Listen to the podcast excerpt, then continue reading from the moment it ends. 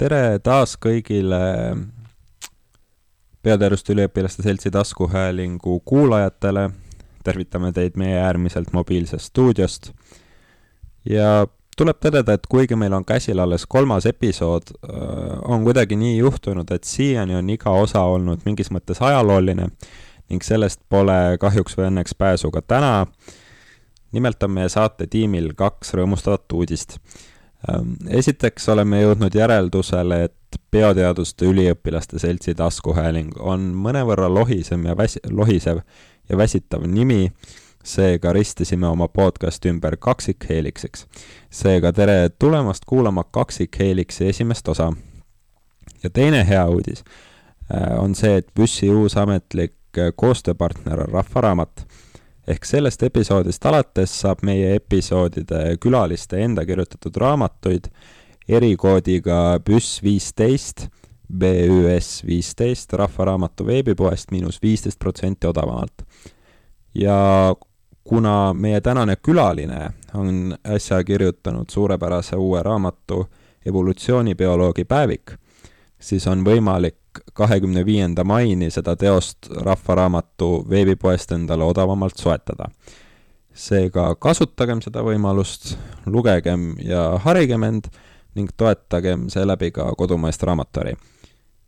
nii, nii palju siis tänaseks vähemalt ajaloorubriigist ja asume asja kallale. ning täna oleme iseennast külla kutsunud evolutsioonibioloogia Tartu Ülikooli loomaökoloogia kaasprofessorile Tuul Sepale, tere tere! ja oma värskes raamatus Evolutsioonibioloogi päevik kirjutad sa ja ma tsiteerin. elu on üks segane lugu ning sellest loogikat, põhjuslikkust ja mõistmist, mõistmist otsides jääme hätta. üks võimalus elust aru saada on võtta appi kõrgemad jõud. teine võimalus on võtta appi teadus. teadusharu, mis seletab elu olemust, on evolutsioonibioloogia. evolutsioon on protsess, mille käigus on välja kujunenud kõik elusorganismid ilma seda mõistmata on elu maal üks suur segadus, arusaamatus, puder ja kapsad. kõik, mis meie elus on hästi või halvasti, taandub evolutsioonibioloogiale. ja pidades siis seda lõiku meeles ja võttes sinna kõrvale ka Theodosius Top, Topšanski kuulsat ütlust Nothing makes sense in biology except in the light of evolution, kas võiks väita, et evolutsioonibioloogia on kõigi eluteaduste kuningas või peaks seda pidama hoopis kõigi eluteaduste baasvaldkonnaks. sest võiks ju võtta praktiliselt iga bioloogiaharu, lüüa sinna ette tempel evolutsiooniline ja kõik on täiesti loogiline. mina arvan küll, et evolutsioonibioloogia sellise baasarusaamisena lisaks väga palju mõistmist ka teistesse bioloogia valdkondadesse ja mõnevõrra mulle tundub, et, et seda on siiani natuke liiga vähe tehtud kasvõi näiteks äh, meditsiinivaldkonnas on evolutsiooniteaduse kasutusele võtmine täiesti uus asi, aga on toonud kaasa suured äh, uued avastused ja, ja uued ravivõimalused isegi. samamoodi äh, psühh-, psühhiaatria valdkonnas meie igasuguste vaimuhaigustega või, või siis ka mm, üldse inimese käitumise uurimise suhtes. see on täiesti uus avastus, et, et ohoo, et tõesti inimene, inimese käitumise on ka tõesti kujundanud evolutsioon ja, ja paljude äh, haiguste tekkepõhjus on evolutsioon ja rääkimata sellest, et tegelikult majandusteaduses annab inimese majanduslikku käitumist mõtestada läbi evolutsiooniteooriat, me võime isegi minna väljaspool bioloogiat ja ütelda, et evolutsiooni selliste põhitõdede mõistmine annab väga palju juurde.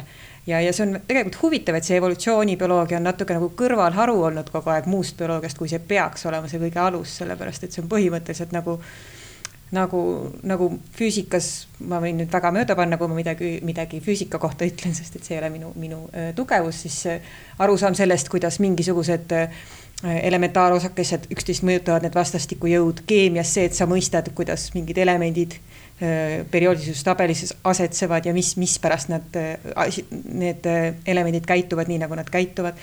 samamoodi evolutsioonibioloogia aitab vastata sellele, et mikspärast kõik looduses on selline, nagu ta on ja kui me teame, miks miski on kujunenud selliseks, nagu ta on, siis meil on tegelikult juba päris hea võti selleks, et lukust, lukustada lahti igasugused muud järeldused. aga kui sa mõtled oma üliõpilas- ja ka teadlaste peale tagasi, et kuidas üldse evolutsioon, mis nagu sa ütled, sageli jääb kuidagi teiste alade varju või kuidagi kõrvalliiniks, et kuidas evolutsioon leidis tee sinuni või vastupidi, kuidas sina avastasid enda jaoks selle evolutsiooni paeluvuse ja miks see sind üldse niimoodi vaimustab? -hmm. kui mina käisin ülikoolis, siis evolutsioonibioloogiat meile õpetati äh, Tümris äh, äh,.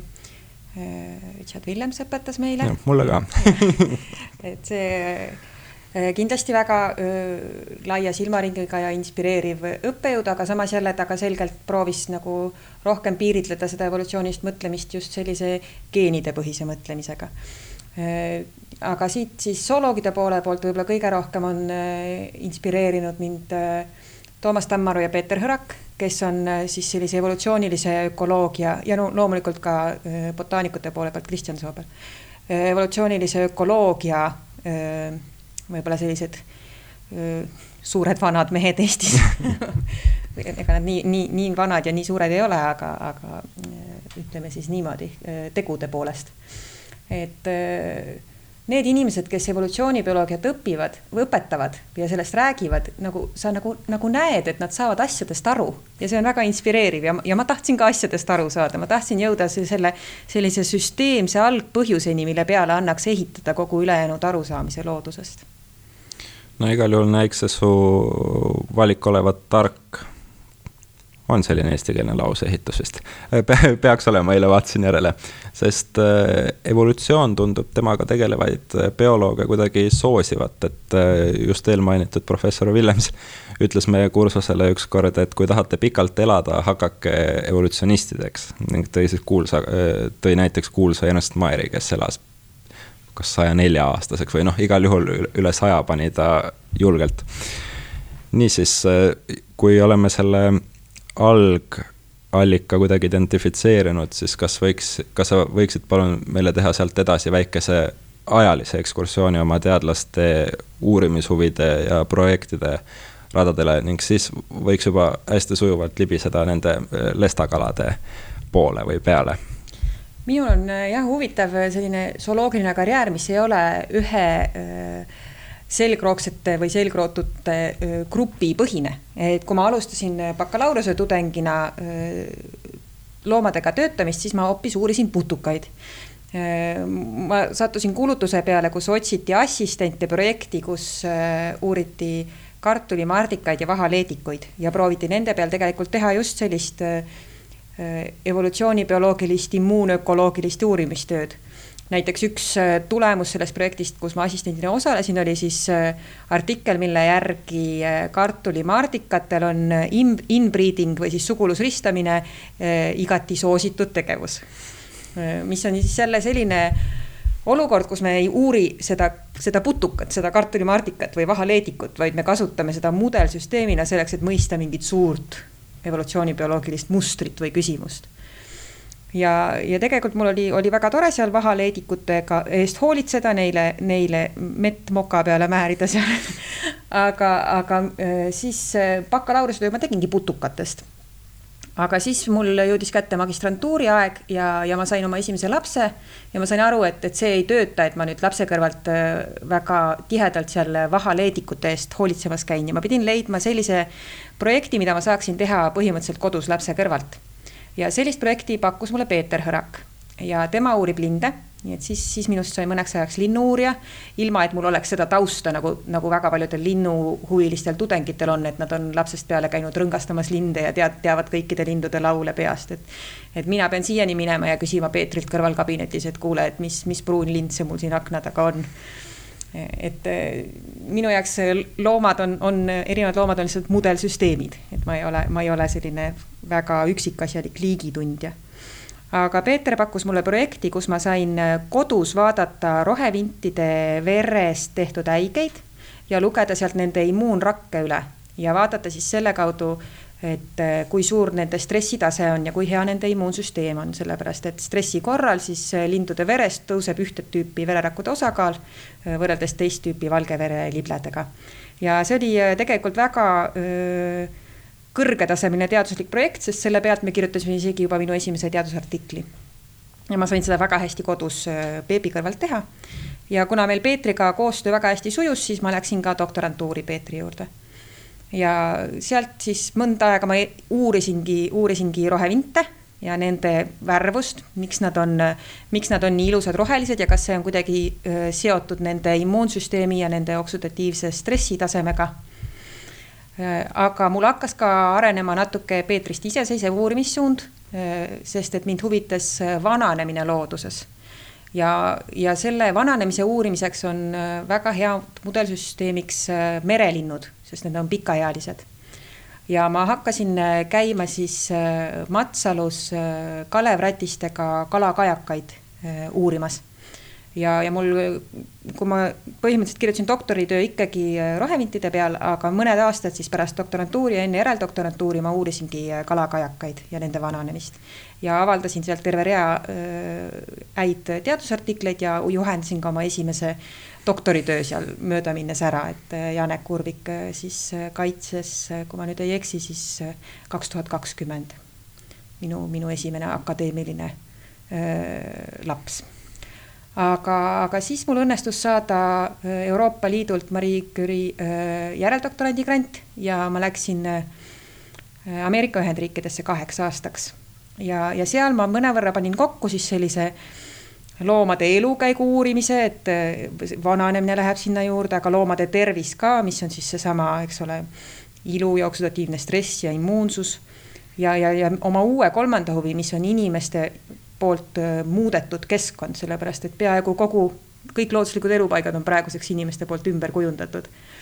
ja seal Arizonas on tegelikult hästi hea uurida sellist protsessi nagu linnastumine sellepärast et see on hästi kiiresti kasvav kõrbelinn Phoenix, kus linnastus kokku elab viis miljonit inimest.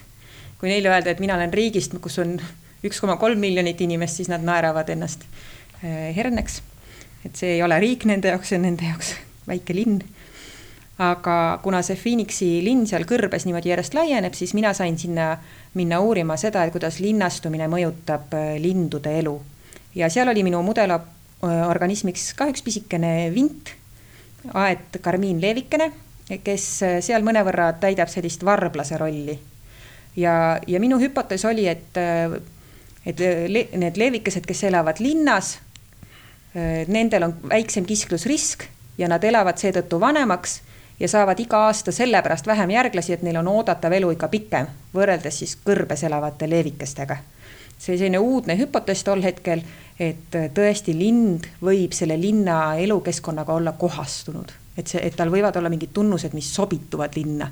et senikaua oli pigem ikkagi arvatud, et, et kõik, mis inimene teeb, et see mõjub loomadele halvasti ja enamasti ta mõjubki. Aga minu jaoks asi, mis ma sealt kaasa võtsin, on see idee, et tegelikult kui luua sobivad tingimused, siis on loomad võimelised inimtekkeliste keskkonnamuutustega natuke sammu pidama aga need sobivad tingimused on see, et populatsioonid peavad olema suured, elupaigad peavad olema omavahel ühendatud ja, ja peab olema aega, et kohastuda. ja, ja sealt äh, kaudu äh, ma jõudsingi siis äh, selle oma praeguse uurimisteemani, mis on kohastumine vähki tekitava, tekitavate keskkonnamuutustega.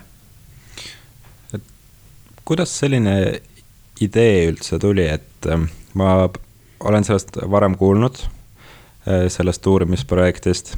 ja seda saadet ette valmistades ma otsisin ka selleteemalisi artikleid, äh, leidsin kolm, äh, salvestamise hetkeks kolm või neli päeva sellest Noorte Teaduste Akadeemia Õhtulehe rubriigist sinu artikli.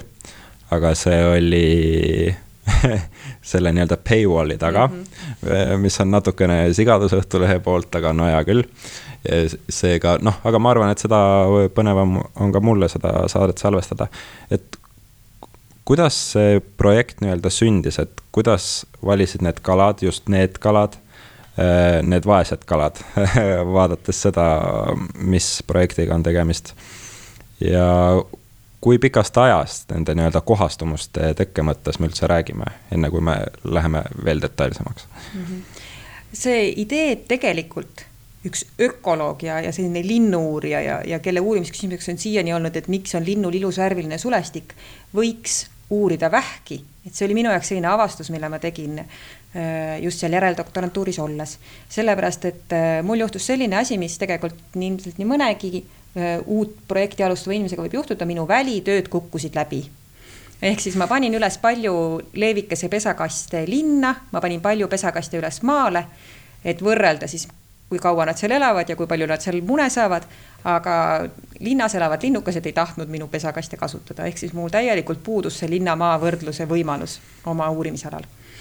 Ja ma kirjutasin küll väga häid teoreetilisi artikleid ja, ja mingeid kõrvalprojekte, aga ma tundsin, et, et kui ma nüüd midagi väga ägedat välja ei mõtle, siis on minu teaduskarjääriga kõik.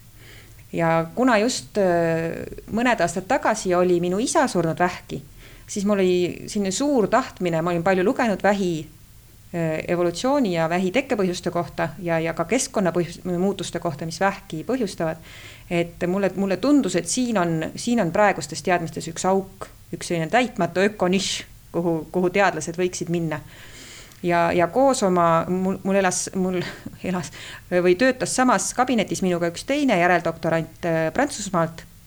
ja ühiselt me leidsime, et, et meil on praegu selline publish or perish või perish või selline, et äh, kirjuta artikleid või kao olukord äh, ehk siis teadusareenilt kadumiseks, et me tahta, leidsime, et me peame kirjutama väga mõjukaid ideede artikleid, kuna meie, minu välitööd ei õnnestunud. Ja me kirjutasimegi ühe ideede artikli, mille kohaselt kõik need keskkonnamuutused, mis inimene teeb, mis inimene põhjustab ja mille kohta me teame, et nad võivad põhjustada vähki inimesel, nagu näiteks õhureostus, valgusreostus, stress ja vale toit. tegelikult need, nendele on eksponeeritud ka vabalt elavad loomad ehk metsik, metsloomad, metsikud loomad. aga see oli asi, mida tol hetkel ei olnud, keegi ei olnud otsi kokku viinud kui me mõtleme igasugustele loomadele, kes elavad tihedas kokkupuutes inimesega nagu lemmikloomad või, või farmiloomad või loomaialoomad, siis nendel on palju vähki. aga, aga samamoodi on ta tegelikult inimese poolt mõjutatud ka vabalt elavad loomad. Ja, ja see artikkel, kus me kõik need erinevad seosed siis inimese poolt muudetud keskkonna ja vähi vahel metsikutel loomadel välja tõime, avaldati ajakirjas äh, Nature Ecology and Evolution, mis on väga äh, prestiižne äh, ökoloogia ajakiri ja, ja siis, kui ma tulin järeldoktorantuurist tagasi, siis ma tahtsin leida mudelsüsteemi, kus ma saaksin kõiki neid ideid, mida me seal ülevaate artiklis esitasime, päriselt oma andmetega toetada ja, ja oma mudelsüsteemi peal uurida. ja, ja alguses ma proovisin mõtelda oma kajakate peale, sellepärast et kajakad elavad hästi vanaks ja on teada, et merelindudel on hästi vähe vähki, mis tegelikult tähendab mitte seda, et nende peale ei saaks neid küsimusi uurida, vaid seda, et nendel on väga tugevad kaitsemehhanismid vähi vastu aga see on selline asi, mida oli väga raske ikkagi teaduslikus mõttes maha müüa, sellepärast et et esimene asi, mis sult küsitakse, kui sa taotled granti vähi uurimiseks metsikutel loomadel on, et aga on, kas sellel loomal ikka on üldse vähki? Et tegelikult see on, äh, kui, kui nüüd rohkem teada sellest vähibioloogiast, siis see on rumal küsimus, sellepärast et ei ole ühtegi organismi, kellel vähki ei oleks. seda on metsikutel loomadel väga vähe uuritud ja need, kellel on vähki väga vähe, on eriti väärtuslikud uurimisobjektid, sellepärast et neil peavad olema mingid erilised kaitsemehhanismid sest et kõikidel, neid isekaid rakke tekib kõikides organismides. ja siis ma leidsin, et tegelikult ökotoksikoloogia valdkond, see, see, kus uuritakse reostuse mõju mingitele elusorganismidele, see on tegelikult selline väga arenenud valdkond, seal on väga palju andmeid, seal on väga palju selliseid vanu, hästi välja töötatud mudelsüsteeme ja aga tegelikult mitte keegi ei kasuta ökotoksikoloogias evolutsiooni kui aluspõhimõtet, millest me siin päris alguses ka rääkisime. Mm. -hmm ja, ja ma sain aru, et tegelikult ökotoksikoloogias on minu jaoks vajalikud mudelsüsteemid olemas, sellepärast et on teada, et merereostus põhjustab kaladel vähki. ja, ja see on selline hästi vana asi ja tegelikult seda me, reostuse poolt tekitatud vähki isegi kasutatakse niisuguse rutiinse keskkonnaindikaatorina, et et kõik need vähi esinemissagedused on olemas kaladel, mida ei ole, eks ole, lindude kohta kõik igasugused meetodid, kuidas seda dia vähki diagnoosida kaladel on olemas. rääkimata sellest, et meil on olemas ajaloolised andmed selle kohta. Ja, ja samal ajal otsis siis võimalust teadusesse tagasi tulla minu kursavend Randel Kreitsberg, kes oli mõnda aega töötanud siis väljaspool sellist süvateadust, oli teinud igasuguseid lahedaid teaduse populariseerimise projekte, töötas Novaatoris ja Osoonis ja oli siis ka ministeeriumis pikalt tööl. Aga temal tuli tahtmine jälle teadust teha. Ja kuna tema erialaks oli just ökotoksikoloogia, siis me panimegi nii-öelda teaduslikud leivad ühte kappi ja mõtlesime välja projekti, kuidas minu evolutsioonibioloogilisi ideid vähi kohta uurida kaladel. kuidas see, sa räägid, rääkisid, et on palju andmeid, pidev, neid andmeid on peale tulnud pidevalt. Eks sellepärast, et meri on nii majanduslikult kui ka kultuuriliselt teatud riikides inimestega hästi seotud seega see on meie enda huvides, et oleksid olemas need andmed, noh muidugi selliselt isekuse droonilt jälle vaadatuna, et meie ei saaks vähki muude selliste vastikute haiguste mm, kõrval. aga kuidas see töö reaalselt käib, uurida vähi evolutsiooni nii-öelda rikutud keskkonnas elavatel kaladel, et ma, kui ma peaks praegu pakkuma, siis ma pakuks, et see ei ole vähemalt mitte täielikult ainult andmepõhine töö, vaid seal on ka, ütleme hästi lihtsustatult, sellist kalapüüki kõrval. ja seal on kalapüüki ja kalapüüki teebki meie töörühmas Randel, sest et see on asi, mida tema, mis talle meeldib ja mis tal, mis tal väga hästi välja tuleb. tema käib meil sakslaste uurimiskruiisidel. sakslastel on sellised suured uurimislaevad, millega sõidetakse Põhjamerel ja Läänemerel ja, ja on teada, et Läänemeres on erineva reostustasemega piirkondi ja mõni piirkond on siis reostunud olnud juba üle saja aasta, mis äh, põhimõtteliselt kalaelu, elu äh, arvesse võttes tähendab viitekümmet põlvkonda, piisavalt aega, et kohastumused saaksid tekkida. ja, ja kuna ma olen valinud siis äh, sellise liigi nagu lest, kes on hästi paikne, siis on ka teada, et neil on võimalik see, et tekivad kohalikud kohalikes populatsioonides kohastumused eh, mingite muude asjade, soolsuse suhtes näiteks.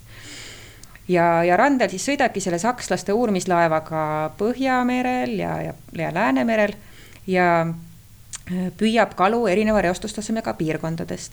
ja esimene asi, mis me tegime, oli see, et me võtsime siis erinevate piirkondade vähiesinemissageduse nendel kaladel ja, ja teine samm, mida me oleme nüüd teinud, on siis geeni ekspressiooni võrdlemine ehk siis, et kas äh, geneetiliselt on siis erinevad vähiga ja ilma vähita kalad ja siis äh, reostunud piirkonnas äh, pikalt elanud kalad võrreldes siis puhtas piirkonnas pikalt elanud kaladega. ja kolmas huvitav aspekt on see, et on kaks ökoloogiliselt hästi sarnast lesta liiki, on lest ja soomuslest. ja ühel tuleb vähki reostunud piirkonnas ja teisel ei tule ehk siis soomuslestal tuleb vähk ja lestal ei tule, mis teeb, tekitab jälle sellise võimaluse küsida evolutsioonibioloogilise küsimuse, et, et mis siis on ühe liigi kaitsemehhanismid vähi vastu, mida teisel liigil ei esine. ja selline esimene samm ongi siis see geeniekspressiooni uuring, mis meil nüüd praegu on kokkukirjutamisel ja mis tõesti pakub välja konkreetsed mehhanismid, mis mis võiksid olla teistmoodi siis nendel reostusega kohastunud ja hästi vähki alla suruvatel kaladel aga järgmine samm, mida me oleme ka juba katsetamas, on see, et äh, tuua siis äh, lestad reostunud ja puhtast piirkonnast kokku ühte laborisse, ühte nii-öelda common garden'isse mm. ja vaadata, et kas nende erinevused ähm, siis äh, aja jooksul kaovad. et see on selline klassikaline katse, millega uuritakse, et kas tegemist on kohastumuse või siis kohanemise või siis selle mm, jah, aklimatiseerumise või, või adapteerumisega kohastumise või kohanemisega. ja, ja kolmas samm siis lisaks sellele common garden'ile oleks siis vaadata, et, et äh, kui nüüd need äh, reostunud ja, ja puhtast piirkonnast äh, pärit kalad saavad puhtas keskkonnas järglasi, et kas nendel ka eri, erineb see geenide ekspressioon või siis vastupidavus reostuse vähki tekitavale mõjule. et see on selline tulevikuperspektiiv, et kuhu ma tahaksin liikuda. Pluss, kui mul oleks hästi palju raha, siis ma teeksin veel palju ulatuslikumaid uuringuid äh, geneetiliste erinevuste kohta erinevate populatsioonide vahel.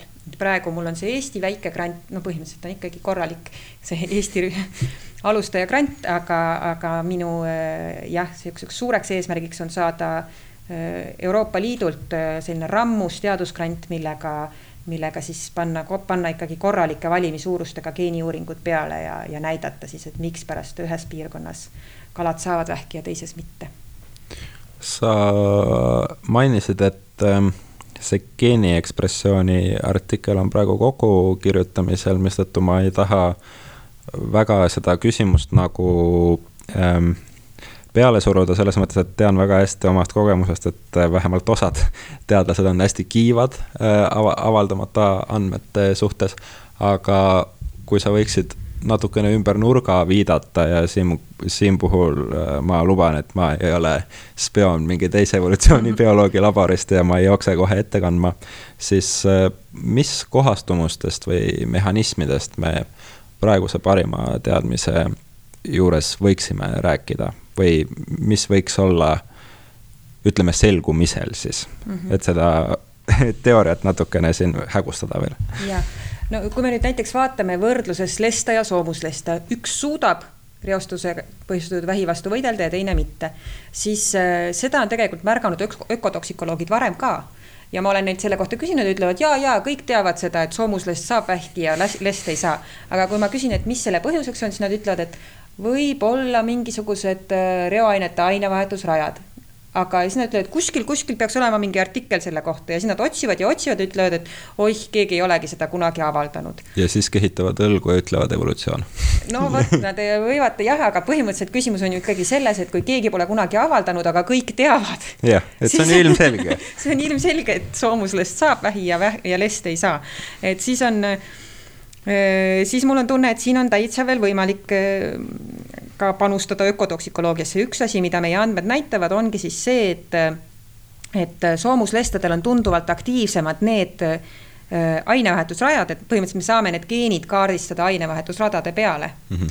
või erinevused geeni ekspressioonis ja need ainevahetusrajad, mis on siis seotud reoainete muundamisega organismi sees, on soomuslestal palju aktiivsemad, aga me teame ka seda, et, et need reoainete vaheühendid on teinekord organismi sees isegi mürgisemad või kahjulikumad kui need reoained ise, et samamoodi, eks ole, me joome alkoholi, aga halb hakkab meil siis, kui see muundub, eks mm -hmm. ole, organismi sees. et samamoodi eh, soomuslestal on siis, eh, on siis, tundub olema tõhusamad need reoainete muundamise rajad vaata, seda öeldakse vist jaapanlaste kohta ka või asiaatide kohta, et nad ei saa alkoholi juua, sest neil on see, neil tuleb pohmell kohe peale, et neil.... ja, ja meil üks äh, professor, kelle noh, jätame praegu nimetamata, on meenutanud, kuidas äh, tema uurimisgrupis oli inimene kas Vietnamist või Kambodžast või kusagilt sealt.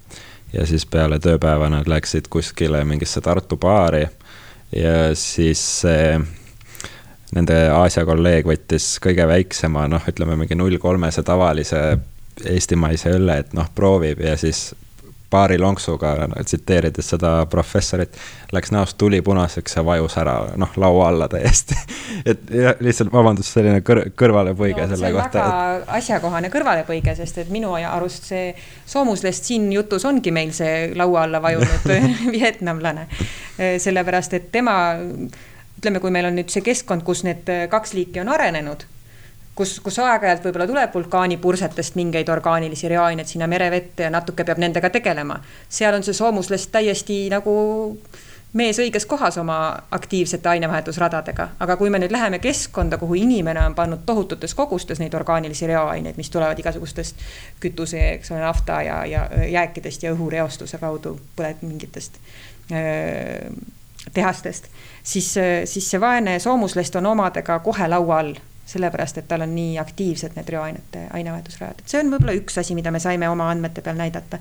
ja teine asi on siis see, et mis minu jaoks on eriti põnev, et mina alguses seda projekti alustades esitasin sellise hüpoteesi, et, et nendel lestadel, kes elavad reostunud piirkonnas, on kas tekkinud kaitsekohastumusest või on siis looduslik valik sealt sorteerinud välja ainult need lestad, kes on siis selle reostuse poolt tekitatud maksavähi vastus, vastu kõige resistentsemad.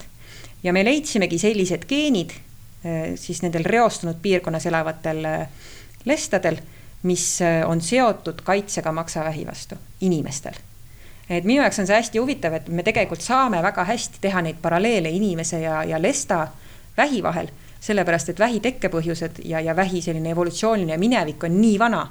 et tegelikult kõik need geenid, mis, mis on seotud vähiga ja vähivastase kaitsega, on, on siis fülogeneetiliselt kuuluvad selliste kõige iidsemate, vanemate geenide hulka, sellepärast et need on, pärinevad sellest ajast, kui, kui loomad hulkrakseks hakkasid eks nagu on enne ka läbi käinud, et äh, evolutsioon protsessina on ju selline eluslooduse alusprotsess ja valdkond on vana ja vähk on vana. aga samas, kui me kombineerime sellist inimesekeskset arstiteadust ja evolutsiooni, siis need valdkonnad on ju pigem noored. aga samas, kui me vaatame kasvõi näiteks noh, vastik öeldagi, aga koroona vaktsiini näitel, kui kiiresti on tänapäevane teadus ja just ka meditsiiniteadus ja bioloogia võimelised hüppama nii-öelda teooriast äh, rakendusse, siis kui sa peaksid spekuleerima, et kui kaua võiks võtta aega, et evolutsioonibioloogia ja ökotoksikoloogia ja siis onkoloogia ehk vähiteadus, meditsiiniharu saavad noh no ütleme hästi optimistlikult lahutamatuteks. Ehk need andmed, mis me saame praegu kaladelt ja see teadmine, et kui kiiresti võiks see üle kanduda meditsiini, inimesekesksesse meditsiini siis mm. -hmm ma olen ise selle peale mõelnud ja mul, ma pean tunnistama, et nagu ma olen saanud ka, kui ma kuskile, kas, kasvõi me rääkisime sellest Õhtulehe artiklist ja ajakirjanik paneb jälle, minul ei ole mingit nagu sõnaõigust seal, ta paneb pealkirjaks.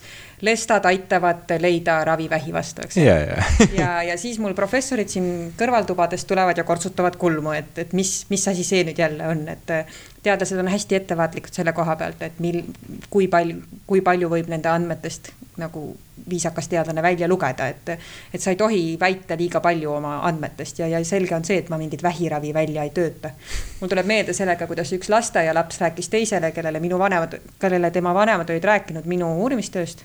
proovis seletada teisele lapse, lasteaialapsele, mida ma teen ja siis ta ütles, et kas tead, et tema töötab välja seda, seda vähisiirupit ta üritas nagu öelda, et vähiravim ja siis tuli vähisiirup et selle vähisiirupini on, on päris pikk maa ja üheks selleks põhjuseks, miks ma seda vähisiirupit veel välja lubada ei saa, on siis see, et tõesti selles inimese vähi uurimises on ka ikkagi väga suur skeptilisus selles osas, et teised valdkonnad väljaspool meditsiini võiksid sellesse mingit väärtuslikku teadmist anda. et ma just hiljuti kirjutasin ka ühe sellise sellise natuke sellise vi, noor, sellise vihase arvamusartikli või ütleme, mitte arvamusartikli, vaid kommentaari, tead, teadusajakirjad avaldavad selliseid kommentaare vahepeal mm., mille pealkirjaks ma panin siis, et äh, selline antropodenial, ma ei tea, kuidas seda tõlkida, noh, see on antropomorfismi vastand, et. noh, umbes, et äh, inimese erilisuse keskne. no umbes nii, täpselt. mis iganes, noh, denial. just, et, et see, et see inimese kesksus äh, vähi äh, uurimises ja, ja selle idee oligi siis see, et me teame, et kõik need asjad, geenid on vanad ja mehhanismid on evolutsiooniliselt sarnased paljudel liikidel, mitte ainult evolutsiooniliselt, vaid ka reaalsete mehhanismidena. aga meditsiini või selline vähiteadus ei, ei, ei suuda siis ikkagi kuidagi üle saada sellest, et, et me saaksime nii palju uusi teadmisi, kui me kaasaksime mudelliike väljastpoolt siis neid, neid kõige klassikalisemaid laboriloomi inimese vähiga seotud küsimuste lahendamisse. ja ma esitasin selle artikli vist ajakirja Nature Cancer mõjufaktor nelikümmend, mis võib-olla Äh, tudengitele veel nii palju ei ütle, aga, aga põhimõtteliselt see on väga kõva sõna, et mul siiani on ikkagi parimad artiklid on, on mõju, mõjutegur kuskil kaksteist, kolmteist, neliteist. ja sealt tuli siis äh, tagasi selline hästi huvitav vastus. Nad ei avaldanud minu seda kommentaari, aga nad kirjutasid, et see on väga huvitav, see on väga relevantne nii inimese uurimisele kui lood, kui nagu metsikute liikide uurimisse ja me tunneme, et sellel on väga tugev äh, võib olla väga tugev mõju tulevas, tulevastesse vähiuuringutesse, aga meie leheruum on piiratud, nii et me seda ja, ei avalda see, see on geniaalne ja pane sahtlisse tagasi. jah, geniaalne ja pane tagasi, just. aga ma jätkan, ma katsetan sedasama teistesse vähi uurimise või vähibioloogia ajakirjadesse, sest et mul on tunne, et see on see, et see on sõnum, mis, mis võib-olla vääriks ikkagi sealt seda, et see jõuaks sinna, sinna nagu laiemasse vähiuurijate seltskonda ka Äh, nii et äh, esimene takistus, mis peab ületama, on see, et, et siis, et siis see, et need valdkondadevahelised piirid natuke hägustuksid. Et me siin enne ka rääkisime sellest, kuidas, kuidas isegi ülikooli siseselt need osakondade ja struktuuriüksuste mm. piirid natuke nagu hoiavad tagasi tudengeid ja teadlasi öö, oma projektide öö, ehitamisel, et samamoodi on siis need valdkondavahelised piirid hoiavad tagasi siis selliste uute ideede liikumist ühest valdkonnast teise et muuhulgas ka selline paberi määrimine natuke loobib kaikaid kodarasse, aga noh, see on natuke teine teema. ma küsiks siit võib-olla küsimuse, mida ma oleks pidanud enne küsima, aga ma küsin nüüd, et kui palju üldse on teada vähievolutsioonist, et kas see ongi nii-öelda hulkraksuse ja sellega kaasnevate muude toredate hüvede hind a la, et kui vähki ei taha, siis no ma ei tea, noh, et inimesena, kelle kehas on palju rakke, ei ole ma just kade amööbi peale, kellel on üks rakk ja kes ei saa kunagi vähki. aga siiski, ka, kas ongi hulkraksuse paratamatus ja, ja siin tuleb jälle abiks see, kui sa oled natukene öö, lugenud ka sellise evolutsioonilise käitumisökoloogia kohta. sellepärast, et sealt tuleb, tulevad kõik need koostöö ja altruismi teemad kuidas säilitada koostööd, et seda me võib-olla küsime rohkem isendite tasemel, et mikspärast sipelgad teevad omavahel koostööd või mispärast, mis hoiab siis inimühiskonnas sellist rahu ja koostööd, milliseid regulatsioone on vaja. aga täpselt samamoodi on see küsimine, küsimus relevantne ka siis äh, rakkude tasandil. et kui rakkud hakkasid omavahel koostööd tegema, siis nad pidid mingil määral nagu alla suruma need oma äh, isekad ambitsioonid, et igaüks iseenda eest nii palju kui võimalik ja, ja äh, ja selle, see oligi siis võimalikuks sai see koostöö ja hulkraksus selle kaudu, et olid nii-öelda rakupolitsei mm. -hmm. ja selleks võivad olla nii immuunrak-, immuunrakud, mis siis märkavad ära need isekaks läinud rakud äh, ja need alla suruvad või siis ka igasugused geneetilised kontrollimehhanismid, mis on juba ehitatud siis nende rakkude sisse, ehk siis need äh, vähki alla suruvad geenid. ja, ja see on tõesti suhteliselt äh, hästi teada, et, et need äh, geenid on evolutsiooniliselt väga vanad, nad äh, ulatuvad tagasi sellesse aega, kui hulkraksus tekkis. ja need tegelikult need mehhanismid selle isekuse allasurumiseks pea, on olemas kõikidel hulkraksetel organismidel.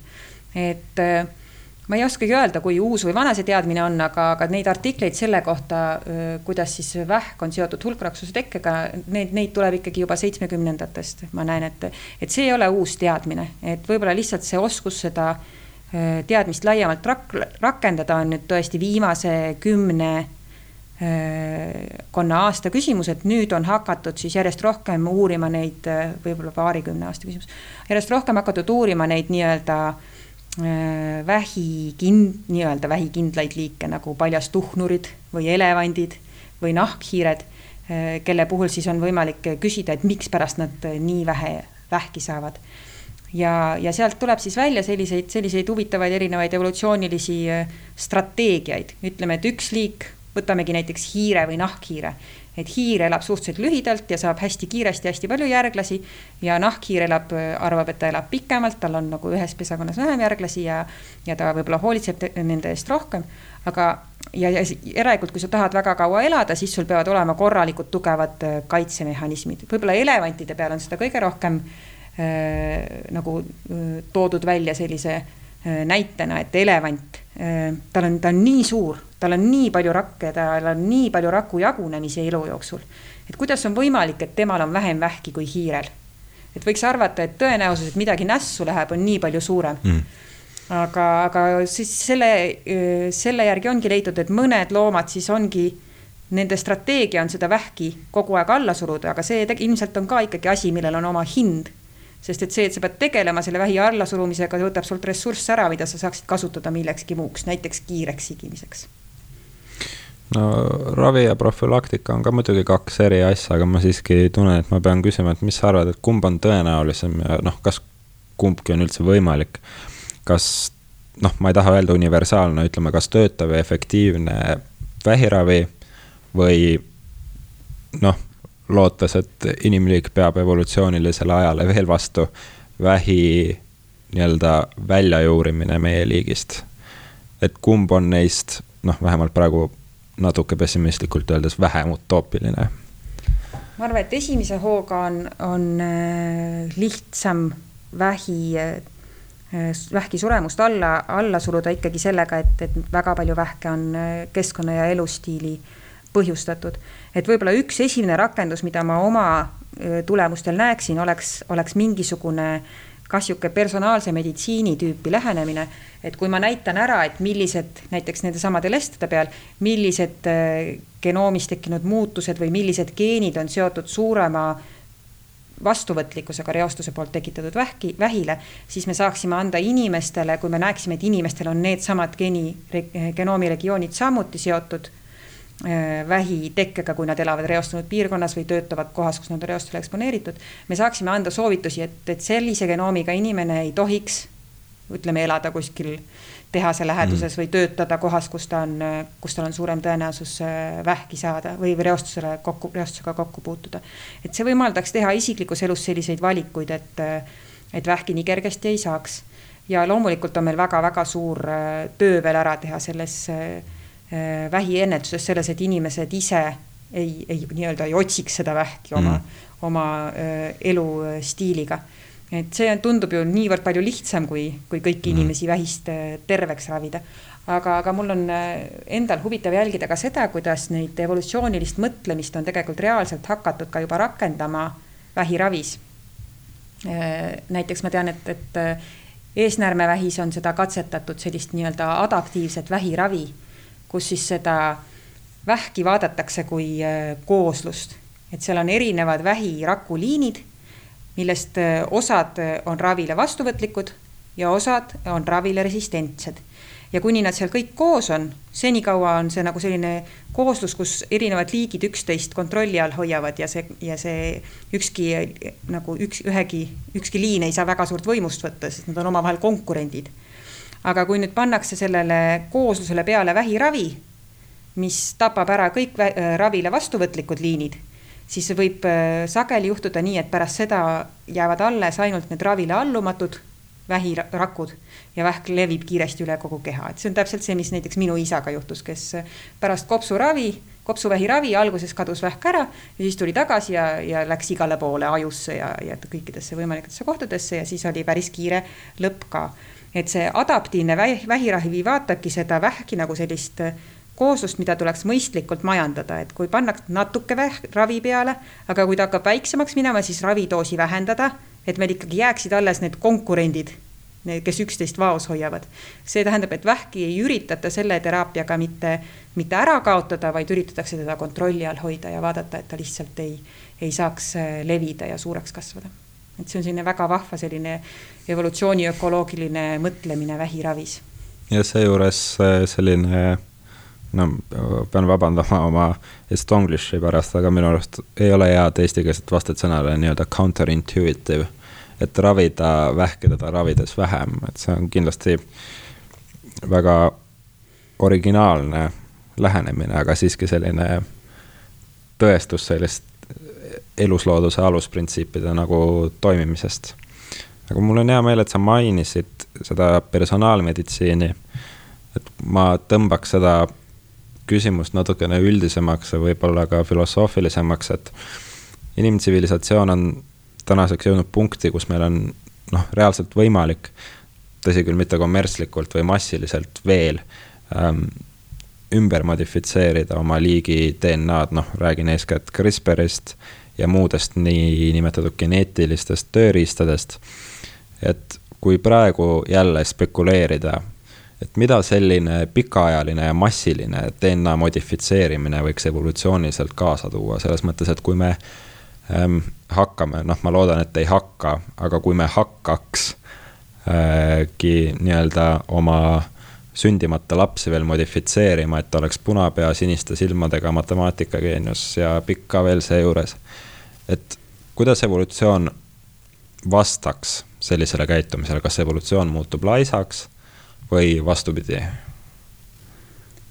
jah, kui nüüd muuta geene, siis võiks eeldada, et need tunnused jäävad äh, siis järgmistesse põlvkondadesse ka, mis tähendab, et me mõnevõrra nagu põhimõtteliselt kiirendaksime evolutsiooni käiku, et see on võib-olla mõnevõrra võrreldav siis sellise sordiaretusega mm. või siis geneetiliselt muundatud organismide tootmisega Äh, põllumajanduses.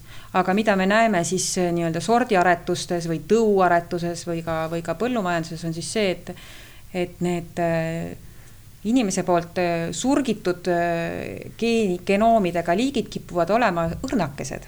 Et mm. kuskilt annab järele kasvõi kui me mõtleme siis organismi siseselt, siis mikspärast meil on niimoodi, et sa ei saa võib-olla olla korraga kõike head, et sa ei saa mm. olla supersportlane, supergeenius professor ülikoolis ja siis samal ajal veel ma ei tea. olümpiavõitja. jah, täpselt, et, et äh, see on see arusaam, et organismi siseselt on ressursid ikkagi piiratud. ja see ei aita, kui me ennast paksuks sööme, ressursid on ikka piiratud ja tegelikult me paksuks söömisega teeme, paneme hoopis lisakoorma oma organismile.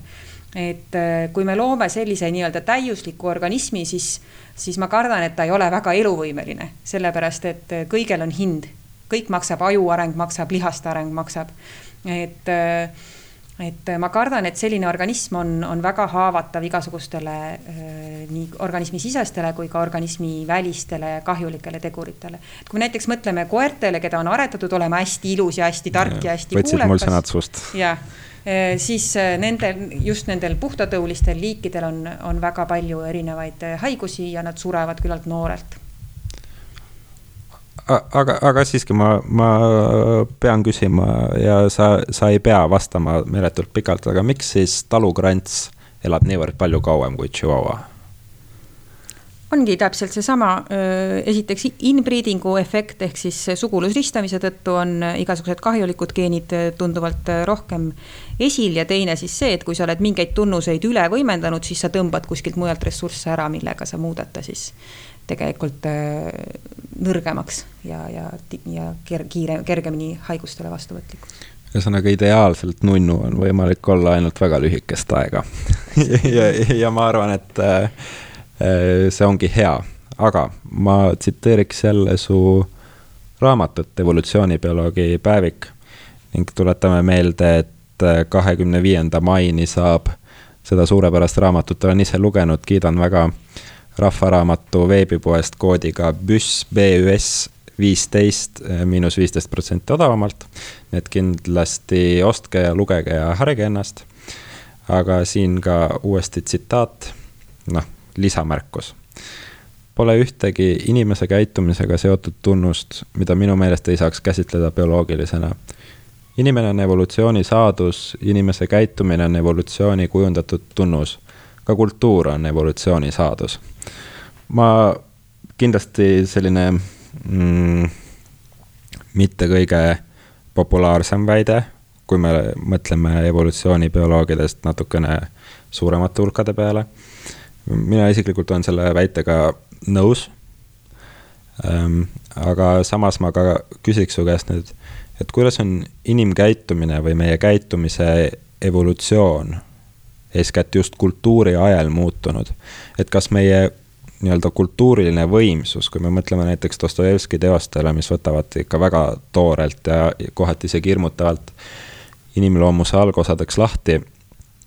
et kas näiteks need teosed ikkagi on midagi erilist või see on lihtsalt selline evolutsionistlik illusioon ja see on ka nimelt küsimus, mis minu arust on eriti huvitav ähm, ajuteaduse ja evolutsiooniteaduse nagu äh, ristteel et kui me natukene mõtleks selle meie võimsa kultuuri peale evolutsionisti pilgu läbi. jah, see on, see on selline teema, mille peale ma olen ka mõelnud ja ma tean, et see on hästi vastuoluline, et et tahetakse mõelda, et see suur kultuursus ja, ja vaimne võimekus ja kõik see on see, mis meid eristab kõigist ülejäänud loomadest ja, ja see on, mis teeb meist inimesest inimese. ja, ja tihtipeale ka ma olen näinud kasvõi selliseid selliseid äh, mõtteid, kus öeldakse, et vaat, et sellist asja saab, et inimene on eriline sellepärast, et tema on võimeline mingisuguseks koostööks või siis vastupidi, teistpidi öeldakse, et loomad mitte kunagi ei ole isekad või. ja, ja et äh, kõik need asjad nagu üritavad kuidagi tõmmata mingit kunstlikku piiri inimese ja teiste liikide vahel. aga, aga samal ajal ma ju nõustun sellega, et inimene on üks imelik liik, et äh, me oleme võimelised tohutult äh, Äh, hästi omavahel koostööd tegema, me oleme võimelised teadmisi ük, nagu ühelt põlvkonnalt teisele edasi andma. ja, ja mingil määral on selleks võimelised ka võib-olla mõned muud liigid, aga, aga inimene on seda võimeline tegema sellises mahus ja määral, kui, kui mitte ükski teine liik. aga see ei võta minu meelest ära seda, et, et ikkagi kõik see, mis on meie käitumise algpõhjused, on meile antud kaasa evolutsioonibioloogia poolt, et kasvõi selle kohta on ju on ju teadusartikleid, mis näitavad, et, et see, et millal meil on kõige suurem võime luua midagi geniaalset kunsti, muusikat äh, või kirjandust, on siis seotud ikkagi selle vanusega, mil me oleme kõige, kõrgema siis sellise sigimispotentsiaaliga või, või kõige rohkem tahame vast-, ea, ea poolest vastassugupoolele muljet avaldada ja see ei ole mitte kuidagi, ei tähenda siis seda, et et keegi teeb kunsti või kirjandust selleks, et, et ma ei tea, naist või meest saada, et see on pigem ikkagi lihtsalt see, et need, see miski ei pea olema teadlik, kõik need bioloogilised algpõhjused. Ja see võib olla täiesti selline iga inimese, üksiku inimese elus lahti seotud sellest sigimise edukusest. aga see ei võta seda ära, et, et see algpõhjus võib olla seotud sellega, kuidas see välja kujunenud on. et minu, minu enda jaoks ei võta midagi ära sellelt inimkultuurilt, et me sea-, seome selle bioloogiaga kokku, aga, aga millegipärast jah, mittebioloogidel nagu tundub, et, et natukene võtab. ja see on puhtalt jällegi kuidas see oli enne see antropo? antropodinaial, jah. no vot, just mm,. ja ma küsin ühe sellise võib-olla raske küsimuse veel ja samas täiesti kuulajatele teadvustades, et mul on hädasti vaja kaassaatejuhti, sest ma küsin iga, igas saates seda küsimust. aga ma luban ennast parandada. et äh, kui me vaatame veel ühte omadust, mis me vähemalt praegu arvame olevat ainulaadse mm, inimliigile, siis selleks on teadvus. et äh, mina tean, et mina olen Juhan, sina tead, et sina oled tuul äh,, sinul on tuuleks olemise tunne, mul seda ei ole, mul on Juhaniks olemise tunne. seda probleemi oleme varem äh, lahanud ka Jaan Aruga. et siis, kui me mõtleme selle jällegi tegelikult ääretult imeliku fenomeni peale evolutsiooniliselt, siis seda on tehtud, aga seda ei ole liiga palju tehtud, näiteks kognitiivteadlased Simona Ginsberg ja Eva ja Blanca on kirjutanud raamatut Evolution of the Sensitive Soul, kus nad väidavad, et teadvuse tekkemehhanismi taga oli see, et see lihtsustas õppimist või et õppimine pedaalis sellele teadvuse tekkele ja jälle ma olen sattunud olukorda, kus ma unustasin küsimuse ära, aga see vist oli see, et kuidas või mis oleksid sinu mõtted evolutsiooni ja, ja teadvuse selliselt mm, -hmm. selliselt ristteelt? noh, küsimus on nüüd selles, et kas, kas me tahame väita, et teistel loomadel ei ole teadvust ja inimesel on, et minu, minu arust on sellisele väitele päris raske tõestust taha panna, sest et mina saan mina saan teada seda, et mina, mina tunnen ennast tuulena. seda, et sina ennast Juhanina tunned, ma tegelikult ei tea muud moodi. ma võin olla petis kloonimisasutusest. täpselt ja ma ei saa ka küsida sellelt rähnilt, kes mul siin akna taga pesaauku teeb sinna kuivanud puusse, et kas ta tunneb ennast rähnina. sellepärast, et äh, ma võin küsida sinult, sest meil on ühine keel, aga selle rähniga mul ei ole ühist keelt. et siis me võimegi eeldada, et, et see teadvus ja iseenda, äh, iseendaks pidamine on olemas ainult inimestel aga, aga mina täpselt samamoodi nagu ma vajaksin siis nendelt äh, vähiteadlastelt, päris vähiteadlast, päris vähiteadlastelt äh, kinnitust selle kohta, et teiste, et, et inimese vähk on midagi hoopis teistsugust kui teiste loomade vähk.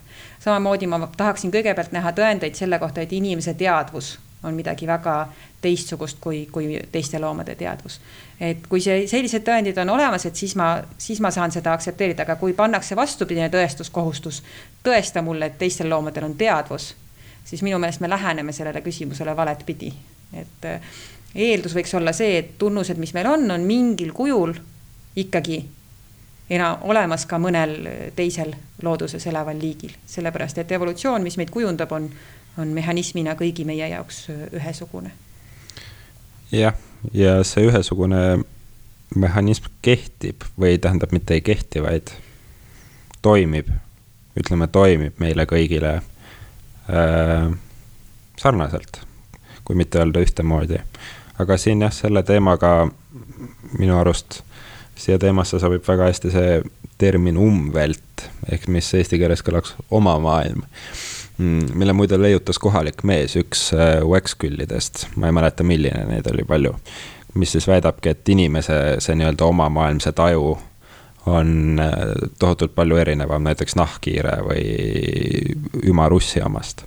et seega jah, see võib tunduda võimatu küsimusena ja ehk ongi, aga noh, lo-, loodame, et vähemalt meie eluajal kunagi näeme sellele vastusele sammu lähemale. aga nüüd meie noore saate kaks traditsioonilist küsimust.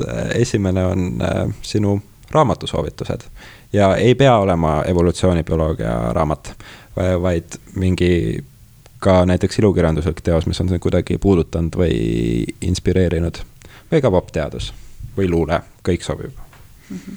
no võib-olla ma võin öelda, et mida ma ise viimati nüüd lugenud olen, üks ongi seesama äh, äh, raamat, kust ma võtsin selle äh, antropodinaial termini ehk siis äh, Franz de Waali raamat äh, äh, Mamma viimane kallistus, mis on mm. siis, tema on primaatide käitumise uurija ja, ja see raamat on ilusasti eesti keelde ka tõlgitud ja, ja kõigile kättesaadav. ja, ja teine raamat, mida ma väga soovitan, kui tahta öö, lugeda rohkem selle kohta, et kuidas evolutsioonibioloogiat on võimalik rakendada inimese vaimse tervise uurimisel ja parandamisel, on siis Randolph Nessi raamat Hea põhjus end halvasti tunda. et need võiksid olla sellised head soovitused ühele bioloogia üliõpilasele, kes tahaksid rohkem, paremini mõista siis sellist äh, evolutsioonibioloogia rakendamist ja, ja, ja loomade käitumise uurimist. ja teine kiir, kiirküsimus oleks äh, soovitus noorele teadlasele. ahah, see, see oligi kogu küsimus jah, soovitus noorele teadlasele.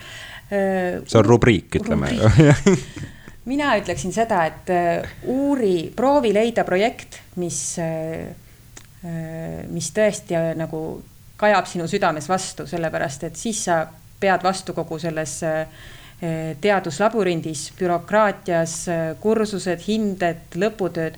kui see asi on see, mis tõesti su silmad särama paneb, siis, siis kõik see muu tundub lihtsalt tühised segajad, aga kui sa teed midagi, mis sind ennast ikkagi ei huvita ja, ja ennast mm, nagu põlema ei pane, siis, siis sa varem või hiljem takerdud selles, selles labürindis ja, ja sinna, ma ei tea, kus see, milline see edukas lõpp peaks olema, aga sinna, sinna teaduse äh, elevandiluutorni võib-olla äh, välja ei jaksa murda kuldsed sõnad.